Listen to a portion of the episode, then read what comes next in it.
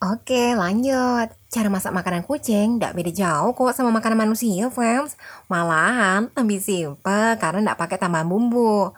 Potong kepala dan buntut ikan yang banyak tulangnya. Gunakan potong kepala dan buntut ikan yang banyak tulangnya ya. Gunakan bagian tengahnya. Gunakan tengah gunakan bagian tengahnya aja.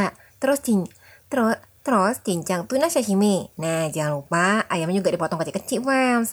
Kalau daging-dagingan udah tercincang, sekarang bikin dulu sekarang bikin dulu kari sekarang bikin dulu kari katsuobushi. Caranya gampang kok. Tinggal rebus selama berapa menit.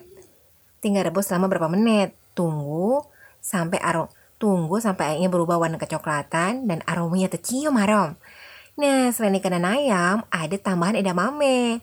Kalau edamame udah dikeluarkan dari kulitnya, sekarang kukus bersama bayam Jepang, ayam, dan ikan. Indonesia emang juga punya bayam. Indonesia emang Indonesia emang juga punya bayam, fans. Tapi versi Jepang, tapi versi tapi versi Jepangnya, wih lebih empuk.